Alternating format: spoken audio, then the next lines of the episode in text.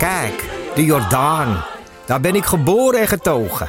De nieuwe Nederlandse musical Onze Jordaan van Diederik Ebbingen is dit najaar in de theaters te zien. Koop nu uw kaarten op onzejordaan.nl. Nou, uiteindelijk heb ik ook de naam genoemd, Mark Overmars. En toen hebben we lang over gesproken. En toen zei ik, heb je dat nou zelf ook wel eens meegemaakt? Ja, ja, ook zelf meegemaakt. Heb jij ook wel eens van die dickpics ontvangen? Ook. Ja, dat vond ik toch wel heel heftig. Ben je benieuwd naar deze verhalen en wil je niets missen? Via podimo.nl slash gonzo luister je 30 dagen gratis naar Gonzo op Podimo. podimo.nl slash gonzo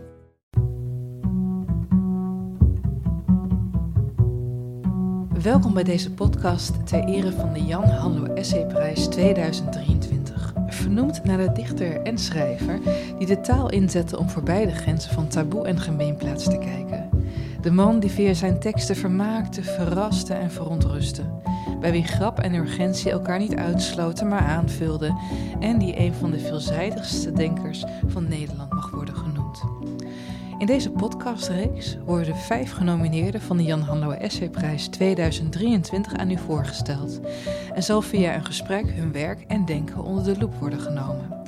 Mijn naam is Ellen Dekwits en vandaag zit ik tegenover Jan Postma. Hallo. Hoi Jan. Jan Postma werd geboren in 1985 en in het dagelijks leven is hij redacteur, journalist en, mag ik het zeggen, ook een beetje fotograaf? Een beetje. Een heel klein beetje. Een beetje. Hij schreef Is dit alles? Een reeks essays waarin een heel scala aan onderwerpen, personen en personages de revue passeert.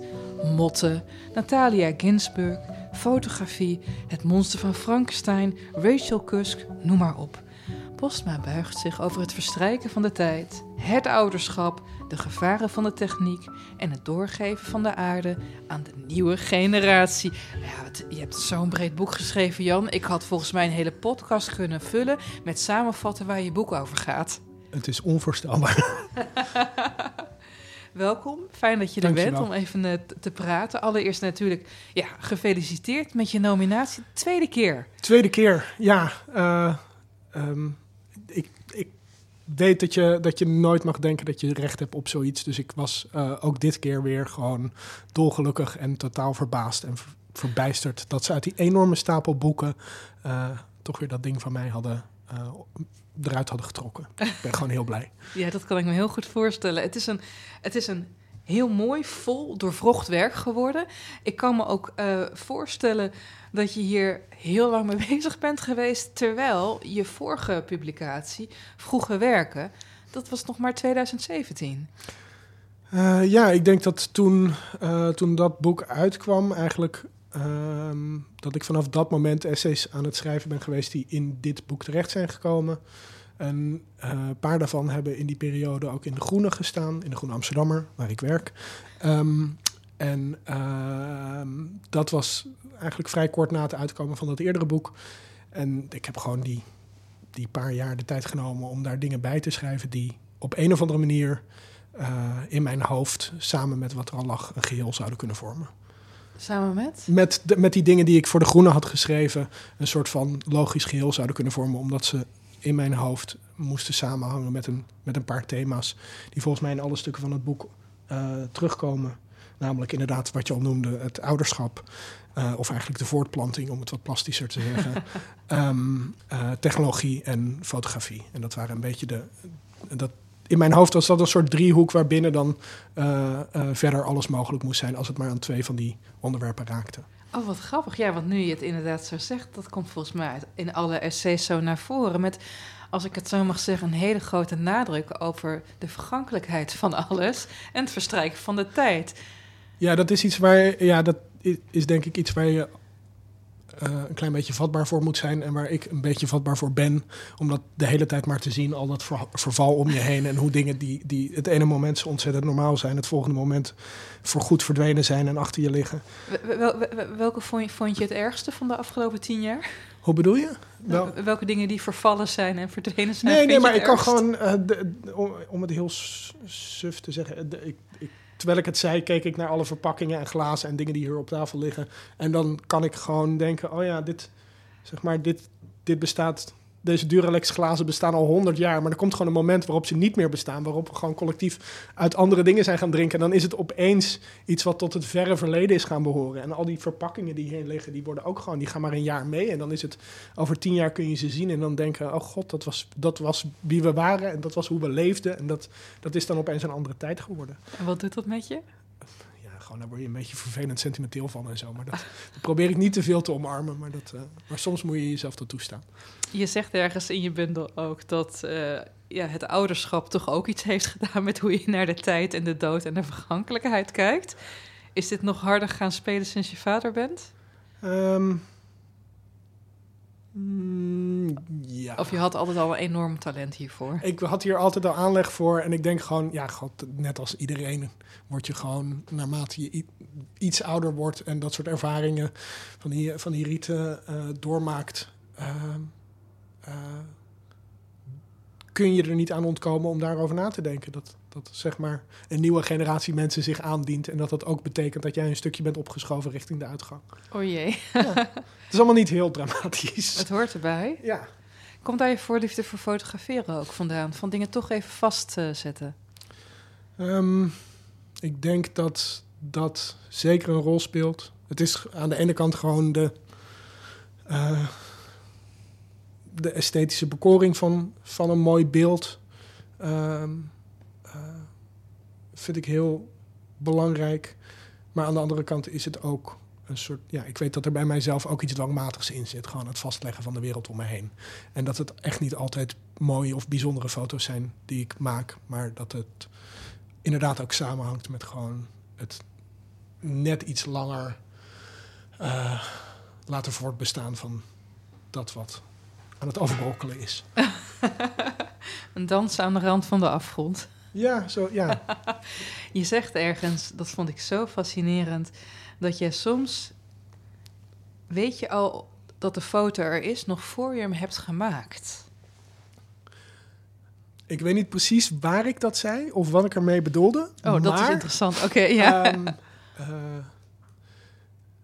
nou, mijn eerste gedachte is dat dat, dat, dat het ook samenhangt met uh, hoe beelden een soort. Uh, hoe, je, hoe je op den duur leert om een foto te herkennen als je dat heel lang doet. En dat je op een gegeven moment foto's aan het maken kunt zijn die, die je niet maakt omdat je zelf iets aan het creëren bent, maar omdat je iets herkent als zijnde uh, een potentiële foto. Ah. En dat kan, dat, ja, dat kan zijn omdat je zelf een soort van aanleg op, voor, voor iets, een, een, zesde zintuig voor iets hebt ontwikkeld. Maar het kan ook zijn dat je werk van anderen aan het namaken bent. Of dat je een soort van, omdat je, je bent ergens op vakantie en duizend mensen hebben die ene foto gemaakt. Dat jij, als je daarmee geconfronteerd wordt, onbewust, toch ook uh, uh, in dat wat je aan het meemaken bent, een foto herkent die gemaakt moet worden. Want dat is waarom je dat apparaat hebt. En dat is waarom je op die plek bent. Een beetje het, het Insta-probleem dat telkens op dezelfde pictureske plek mensen dezelfde foto's zijn ne gaan nemen. Dus dat je van hetzelfde landschap op Instagram duizenden afbeeldingen hebt. Ja, en dat is op zich niet erg natuurlijk. Maar het is, ja, um, ik bedoel, dat moeten die mensen allemaal zelf weten. Yeah. Um, maar ik denk dat iedereen die uh, met regelmaat foto's maakt, daar een, op een bepaalde manier mee te maken krijgt. En wat je daar ik kan me ook voorstellen dat je daar recalcitrant van wordt, of niet? Kijk, ik, ik heb even het citaat erbij gepakt. Okay. Je schrijft er ergens, ja, dat doen we natuurlijk ook. Ik maakte de foto alleen maar omdat ik een camera in mijn hand had en een situatie zich aandiende die, zich, die ik als foto herkende. Ja. Dan is het alsnog een keuze of je afdrukt. Hè? Ik kan me ook voorstellen dat je denkt, ja, fuck jouw foto-instinct.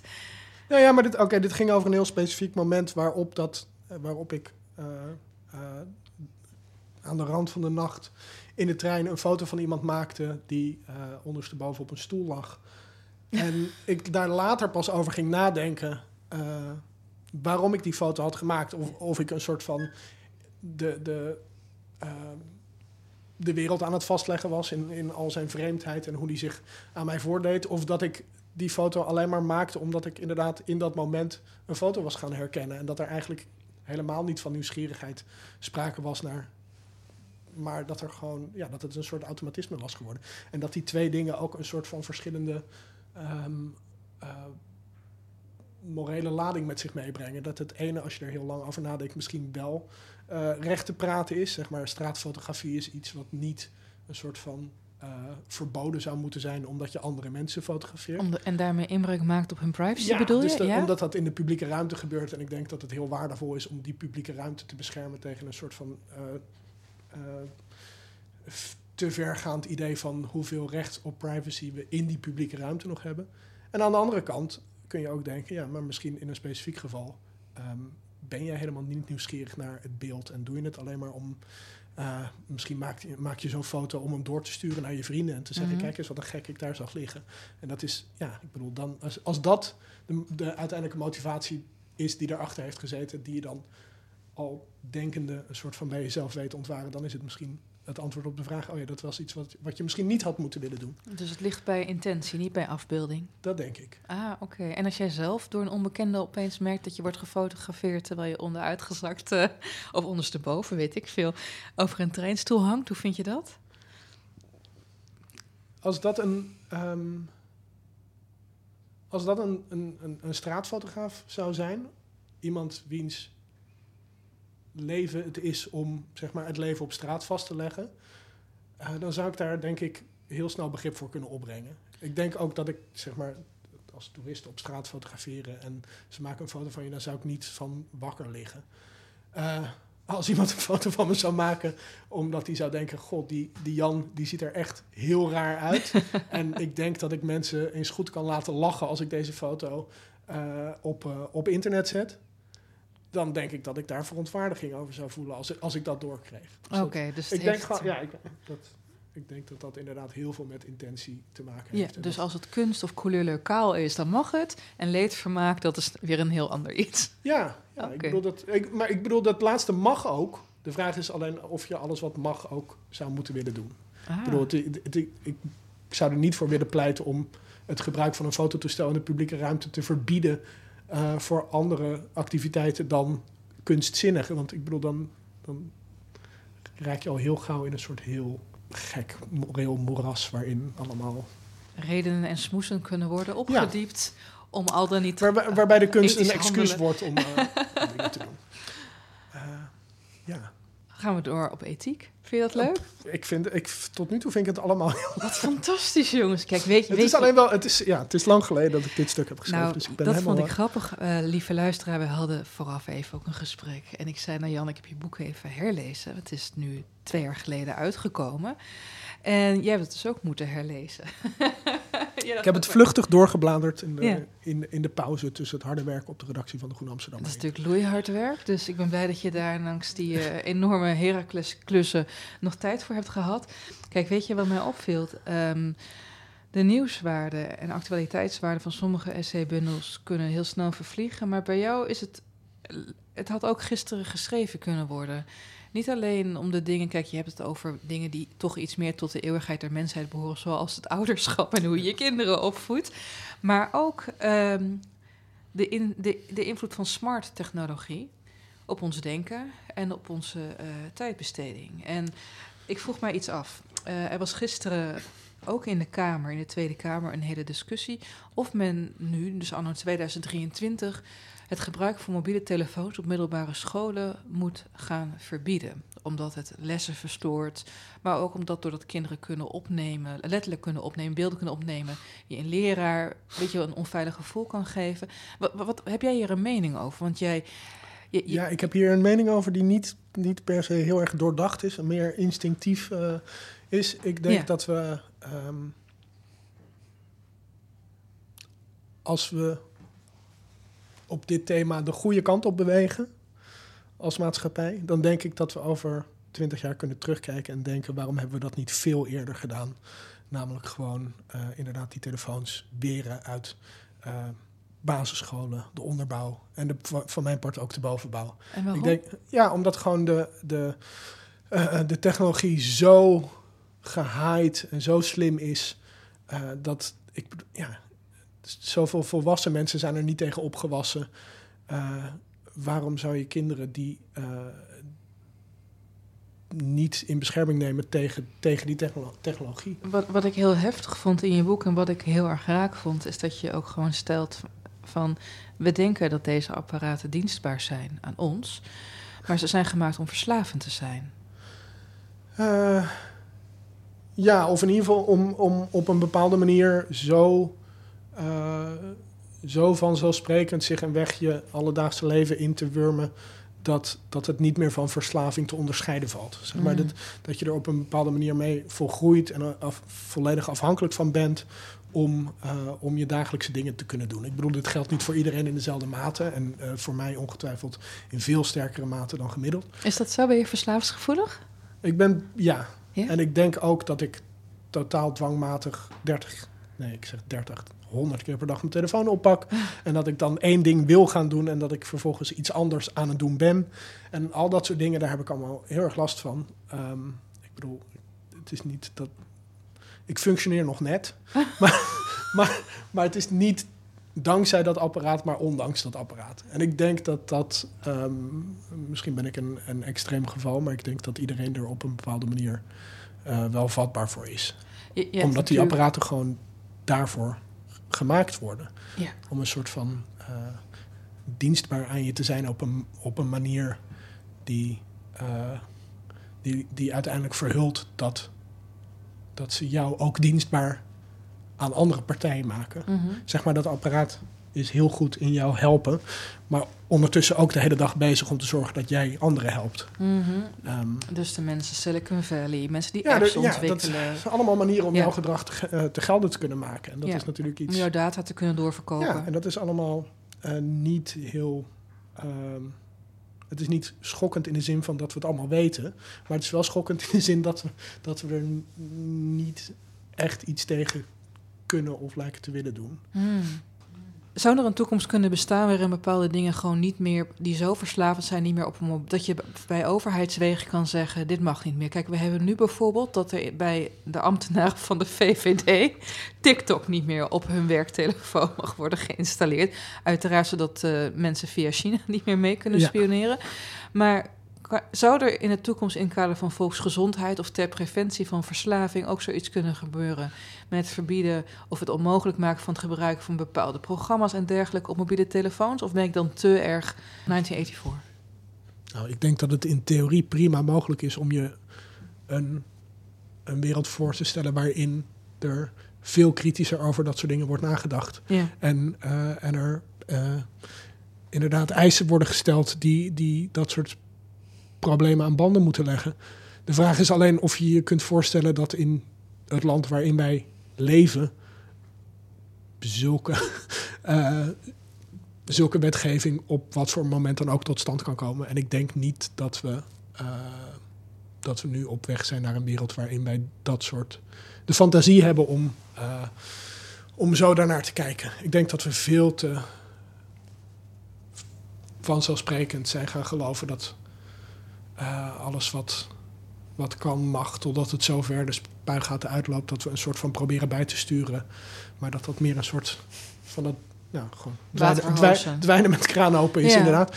Ja. Um, en dat, uh, dat we het helemaal verleerd zijn om, om, om te geloven dat je hier iets echt aan zou kunnen doen, anders dan een beetje bij tweaken. En hangt dat dan ook samen met het feit dat technologie zich veel sneller ontwikkelt dan wetgeving kan bijbenen? Is het ook dat je het bij voorbaat dan al opgeeft? Ik denk dat dat niet helpt. De snelheid waarmee technologie zich ontwikkelt en de, de traagheid waarmee wetgeving uh, gerealiseerd wordt. Maar ik denk ook dat het gewoon wel iets meer, iets meer te maken heeft met een soort van uh, gebrek aan fantasie zeg maar, aan het geloof dat, dat je de macht van hele grote bedrijven gewoon kunt breken als je dat wil doen. Hmm. Als je daartoe bereid bent om een soort van een, uh, een, andere, je een andere wereld voor te stellen. Waarin die bedrijven niet de kans krijgen om een soort van eindeloos te groeien ten koste van, uh, uh, ten koste van de gebruiker of de dingen. Dus ik denk dat het meer samenhangt met een soort van die verbeeldingskracht dan met alleen de snelheid waarmee het gebeurt. En de verbeeldingskracht van de Aan de top andere kant te... moet ik nu oh, zeggen, ik moet ook zeggen ja. dat er nu, juist nu, uh, op de een of andere manier mensen opeens allemaal roepen dat uh, de verdere ontwikkeling van AI-technologie aan banden gelegd moet worden totdat we erover hebben nagedacht wat we ermee willen. Ja, goed. Dus misschien is die verbeeldingskracht uh, bestaat ergens toch. Um, misschien is iedereen op een of andere manier toch zo bang geworden door elkaar na te praten over uh, hoe gevaarlijk deze ontwikkelingen allemaal wel niet zijn, zonder dat ze er daadwerkelijk echt iets van snappen. Um, of zich er een voorstelling van kunnen maken. Ja, ik denk ja, dat soort voorstellingen zullen vooral samenhangen met een soort van de films die we allemaal gezien hebben.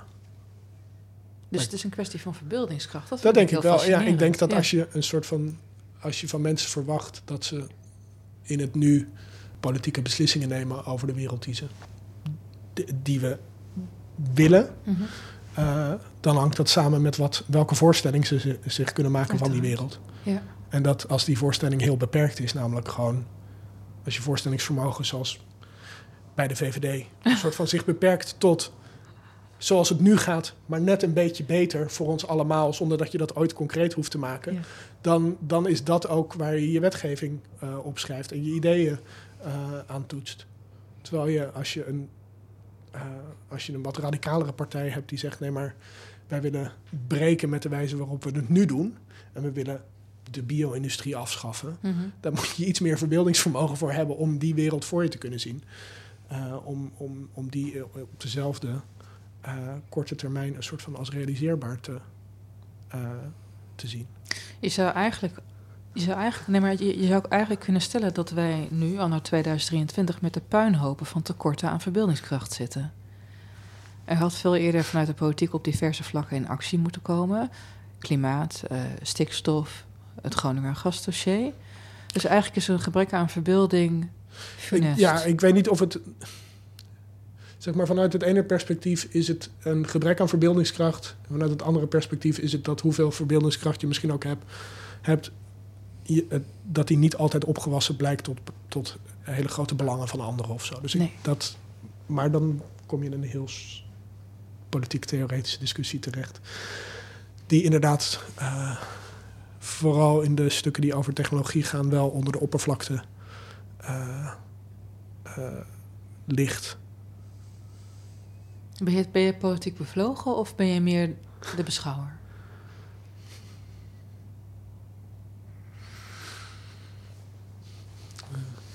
ik vertrouw dat soort of-vragen nooit helemaal. Want dan is het net een, dan, dan is er een tegenstelling. En dan denk ik, ja, god, er zijn momenten waarop ik mezelf een enorm bevlogen politiek dier vind. Uh, en er zijn momenten waarop ik dat echt nou, gewoon een soort van denk, oh nee, ik sta overal buiten en ik ben het meest apolitieke wezen wat een soort van alleen maar naar de wereld aan het kijken is, zonder dat, zonder dat hij daadwerkelijk gelooft dat, dat het er ook maar enigszins toe doet. Hmm. Dus ja, ik weet niet, dat zijn. Het is niet het een of het ander, denk ik. Oké. Het, is, het is een conjunctuur eigenlijk. Soms wel, soms niet. Ja, of misschien op hetzelfde moment tegelijkertijd. Ik weet, ik weet niet of je ooit iets. helemaal kan zijn. Ja. Ah, oké. Ik denk dat je. Ja, ik, ik, ik, ik ga er altijd een beetje vanuit dat mensen vol tegenstrijdigheden zitten. En niet dat ze dan het ene moment het ene zijn en het andere moment het andere, maar dat ze dan die tegenstrijdigheden voortdurend zijn. Ook al zie je misschien uh, um, het ene moment zie jij alleen het ene en het andere moment alleen het andere. Maar ja, ik denk dat dat dan allemaal wel in dezelfde persoon blijft zitten. God. Hey Jan, eh, wat ik heel leuk vind, het gaat natuurlijk heel erg deels over ethiek, je boek en techniek en de grote literatuur, maar het gaat ook over ouderschap. En uh, ik moet je toch een vraag stellen. En ik ga, om die vraag te stellen, eerst je citeren. Om het oh, allemaal nog erger te maken. Okay, nog, ja, ja, ja, ja. Hier komt ie. Ik zit klaar. Als de kinderen er eenmaal zijn en het eerste stof is neergedaald, zijn wij volwassenen opgezadeld met de vraag in hoeverre wij verantwoordelijk zijn voor de invulling van hun bestaan. Zo het ouderschap iets is, is het een helling waarop de zon voortdurend schijnt, maar die, zo beseffen we ieder moment, niet ver onder ons overgaat in de genadeloos diepe afgrond. Die afgrond kent vele gedaanten, maar één ervan is het besef dat de toekomst van onze kinderen onzeker is. En nu de hamvraag, Jan. Waren je kinderen gepland? Ben nog even aan het bijkomen van dat proza wat je voorlas. Ja, uh, ja. Wat een volzin. Um, ja, knap ja. hoor. Uh, dat is uitstelgedrag. Goed uh, zo, Jan. Ja. ja, planning vind ik altijd een wat raar woord. Maar gewenst, zeker. het is, Maar hebben jullie de be- bewust besluit genomen van... hé, hey, in de vuilnisbak met die pil... ehm, of het spiraaltje, of het elastiekje, ik weet niet. Kijk, terugkijkend plak je op al je grote keuzes in het leven natuurlijk en misschien meer ehm, een soort van. Het is heel vanzelfsprekend om dingen die een soort van intuïtief zijn gebeurd te gaan rationaliseren of daar gedachten op te plakken die je misschien niet helemaal hebt gehad of die je half hebt gehad of wat dan ook.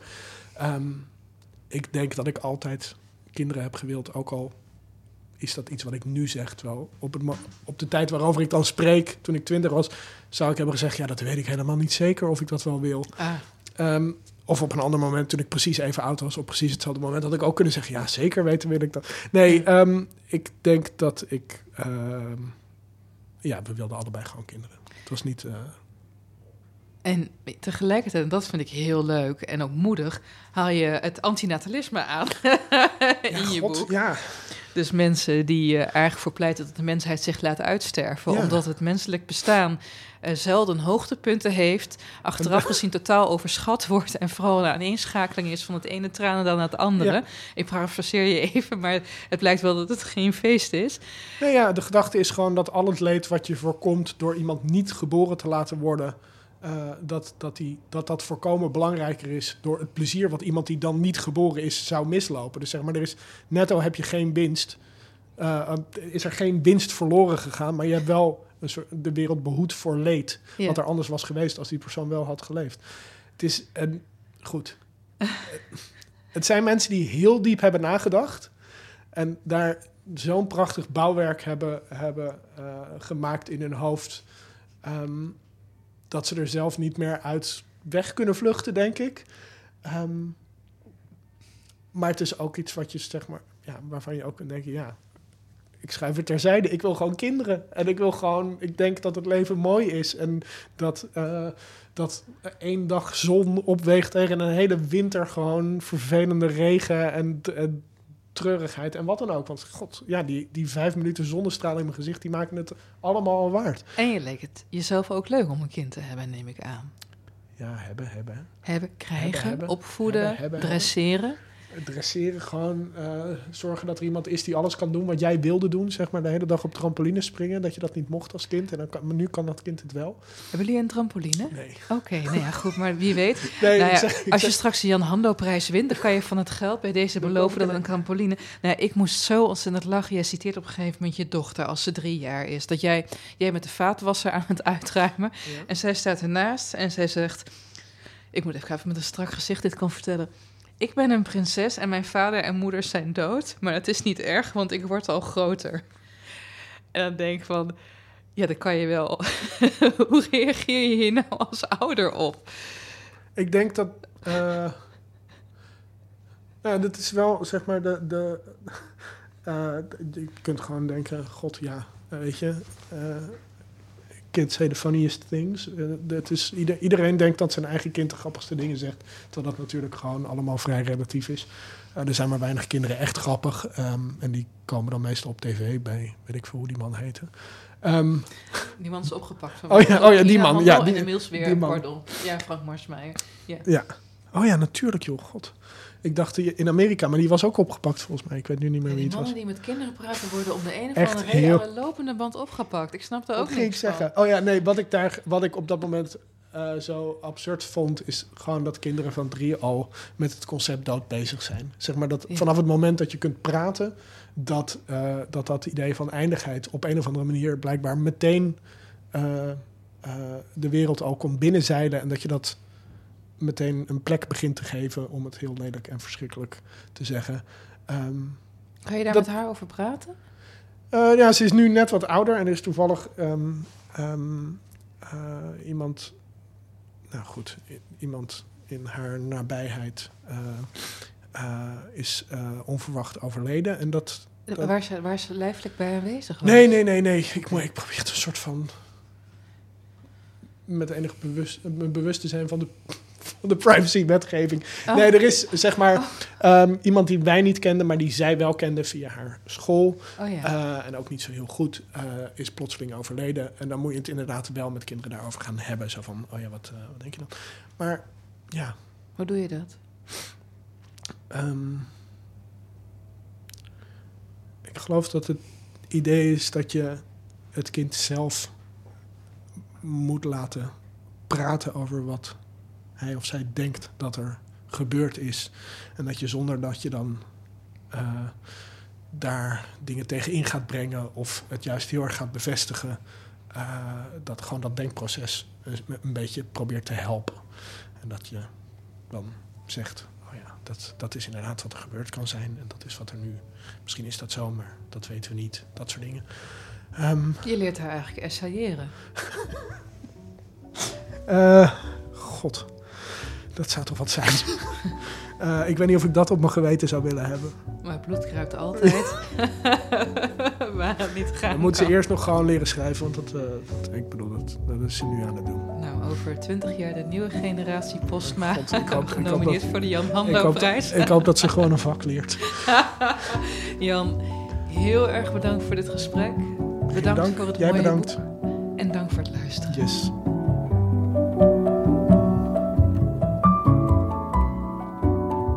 Deze podcast werd mede mogelijk gemaakt door Stichting Lieren, de Groene Amsterdammer en de Stichting Literaire Activiteiten Amsterdam. De podcast werd gemaakt door Giselle Mijnlief en mijn naam is Ellen Dekwits. Dank voor het luisteren.